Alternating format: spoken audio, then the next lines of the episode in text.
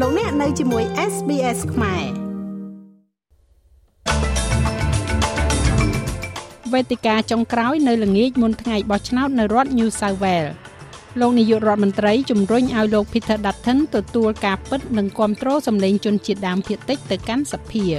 Homelessness Australia កំពុងព្រមានអំពីការកើនឡើង នៅភាពគ្មានផ្ទះសម្បែងរស់នៅនៅទូទាំងប្រទេស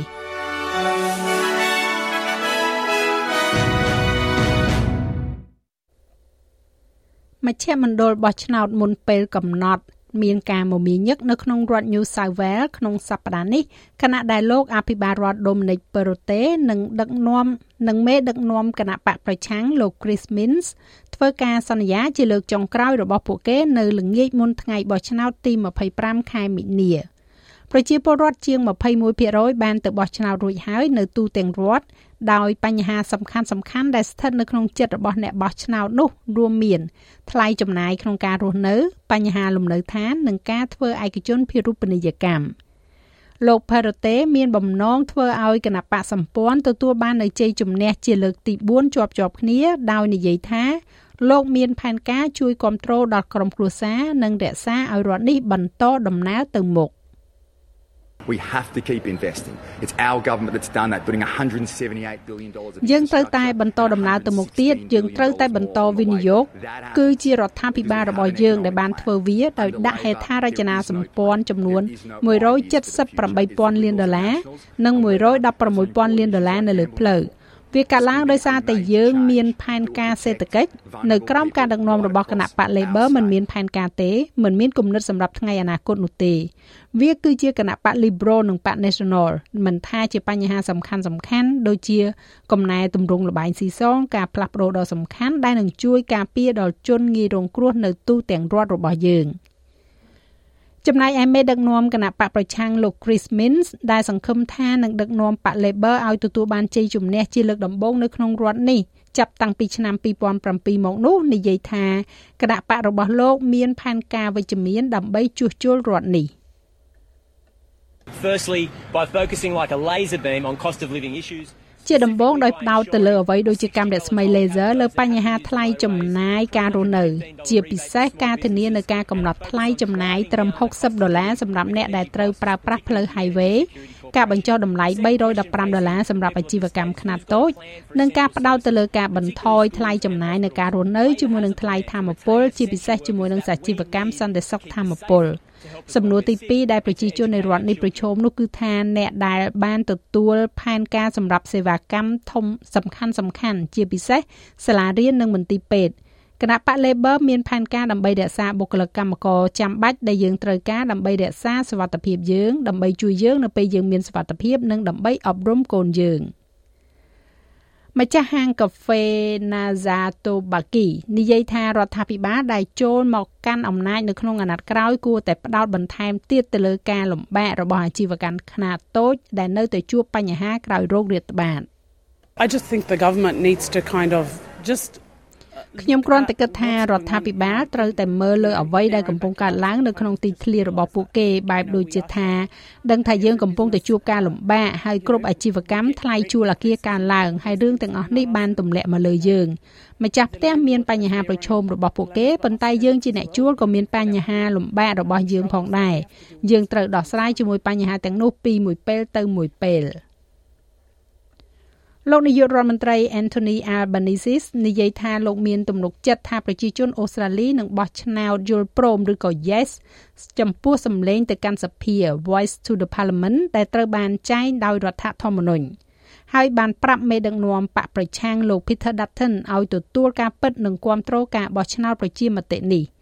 លោក Albanese បានថ្លែងពីទីក្រុង Melbourne ដោយនិយាយថាលោកមានទំនុកចិត្តទៅលើប្រជាជនអូស្ត្រាលីនៅក្នុងការបោះឆ្នោត Yes ក្នុងការបោះឆ្នោតប្រជាមិត្ត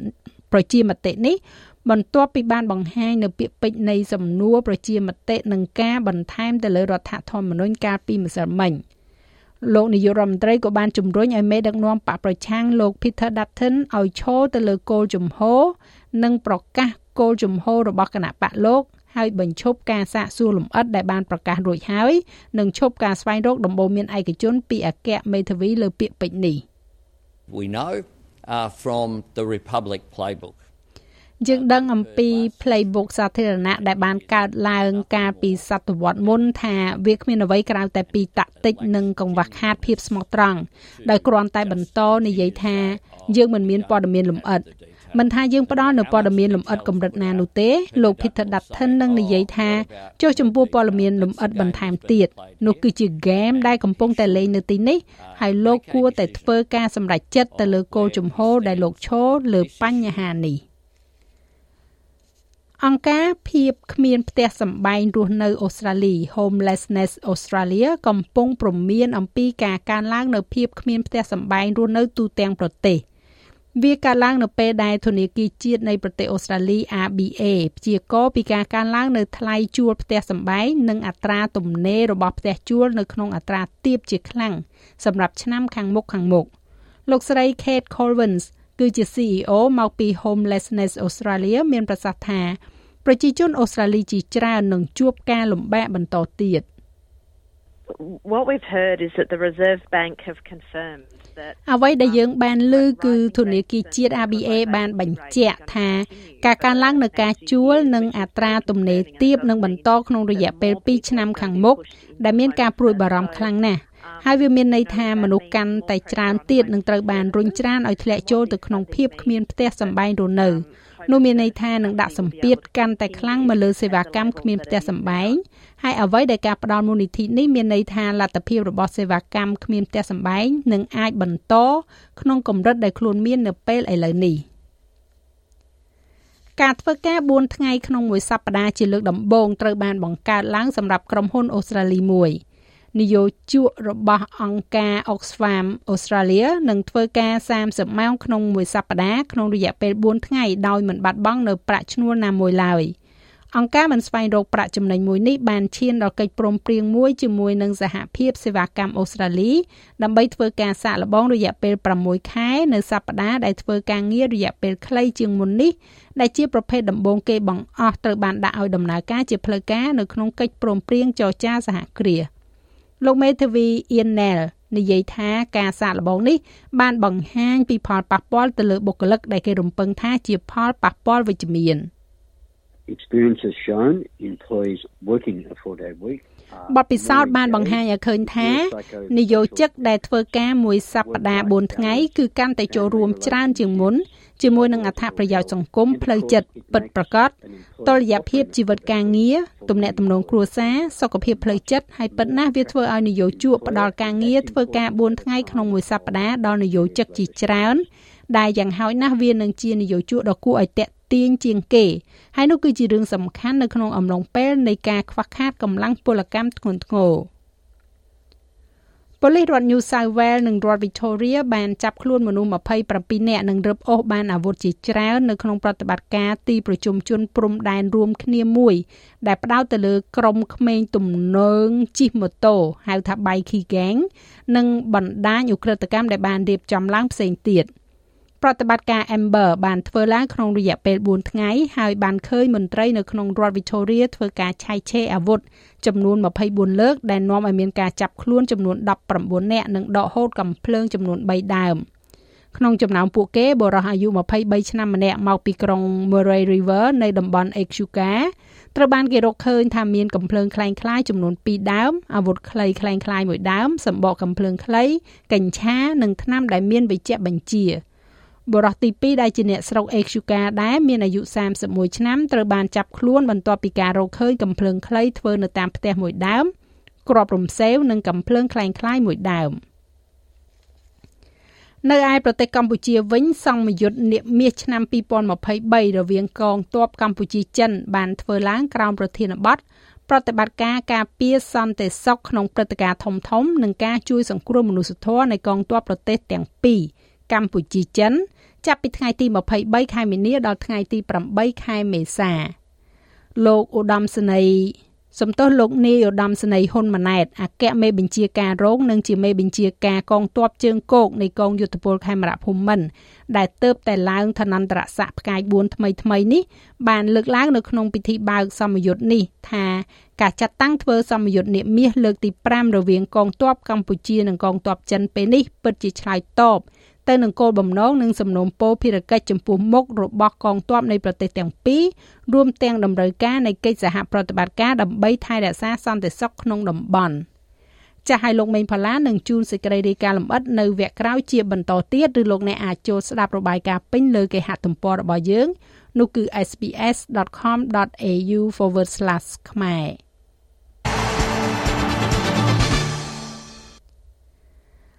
ក្រមប្រឹក្សាអត្តពលកម្មពិភពលោកបានបញ្ជាក់ពីការសម្រេចចិត្តរបស់ខ្លួននៅក្នុងការដកស្ត្រីកែភេទចេញពីព្រឹត្តិការណ៍ប្រកួតរបស់ស្ត្រី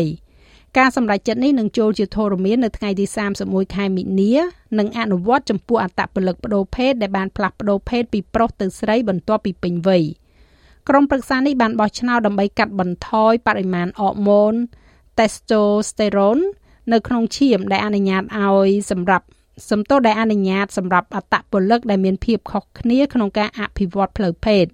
អត្តពលិក DSD នឹងតម្រូវឲ្យកាត់បន្ថយកម្រិតអរម៉ូន testosterone នៅក្នុងឈាមរបស់ពួកគេឲ្យនៅក្រោម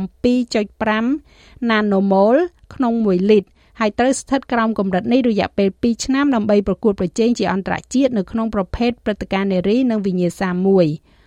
ប្រធានអត្តពលិកពិភពលោកលោក Lord Sebastian Coe មានប្រសាសន៍ថាអត្តពលិកកែភេទអាចមានសិទ្ធិចូលរួមប្រកួតប្រជែងនៅក្នុងការប្រកួតនាពេលអនាគត So none of these athletes will be eligible ដូច្នេះគ្មាននរណាម្នាក់ក្នុងចំណោមអត្តពលិកទាំងនេះនឹងមានសិទ្ធិចូលរួមប្រកួតកីឡាអត្តពលកម្មជើងឯកពិភពលោកនៅទីក្រុង Budapest ក្នុងខែសីហានោះទេពួកគេនឹងមានសិទ្ធិចូលរួមក្នុងការប្រកួតព្រឹត្តិការណ៍ផ្សេងទៀតបន្ទាប់ពីរយៈពេល6ខែនោះរួមទាំងការប្រកួតកីឡាអូឡ িম্প ពិកទីក្រុងប៉ារីសនៅឆ្នាំក្រោយប្រសិនបើពួកគេរក្សាអរម៉ូន testosterone របស់ពួកគេឲ្យនៅកម្រិតដែលត្រូវការ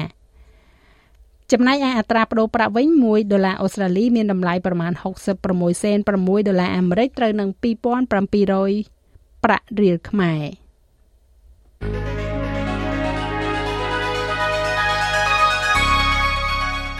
ឥឡូវយើងក៏លេខមើលការព្យាករណ៍អាកាសធាតុសម្រាប់ថ្ងៃសៅរ៍ស្អែកនេះវិញទីក្រុងផឺតមានពពកដោយពេល29អង្សា នៅអាដាលេដភាគច្រើនបើកថ្ងៃ25អង្សា នៅទីក្រុងមែលប៊នមានពពកដោយពេល21អង្សា ដូចគ្នានៅហូបាត20អង្សា Canberra រលឹមបន្តិចបន្តួច22អង្សា មានរលឹមនៅ Sydney 24អង្សា នៅ Brisbane រលឹមខ្លាំងឡើង31អង្សាភាគច្រើនបើកថ្ងៃនៅ Cairns 31អង្សា មានរលឹមអាចនឹងមានព្យុះនៅ Darwin 34អង្សា និងទីក្រុងភ្នំពេញ មានពពកដោយកន្លែង37អង្សា ច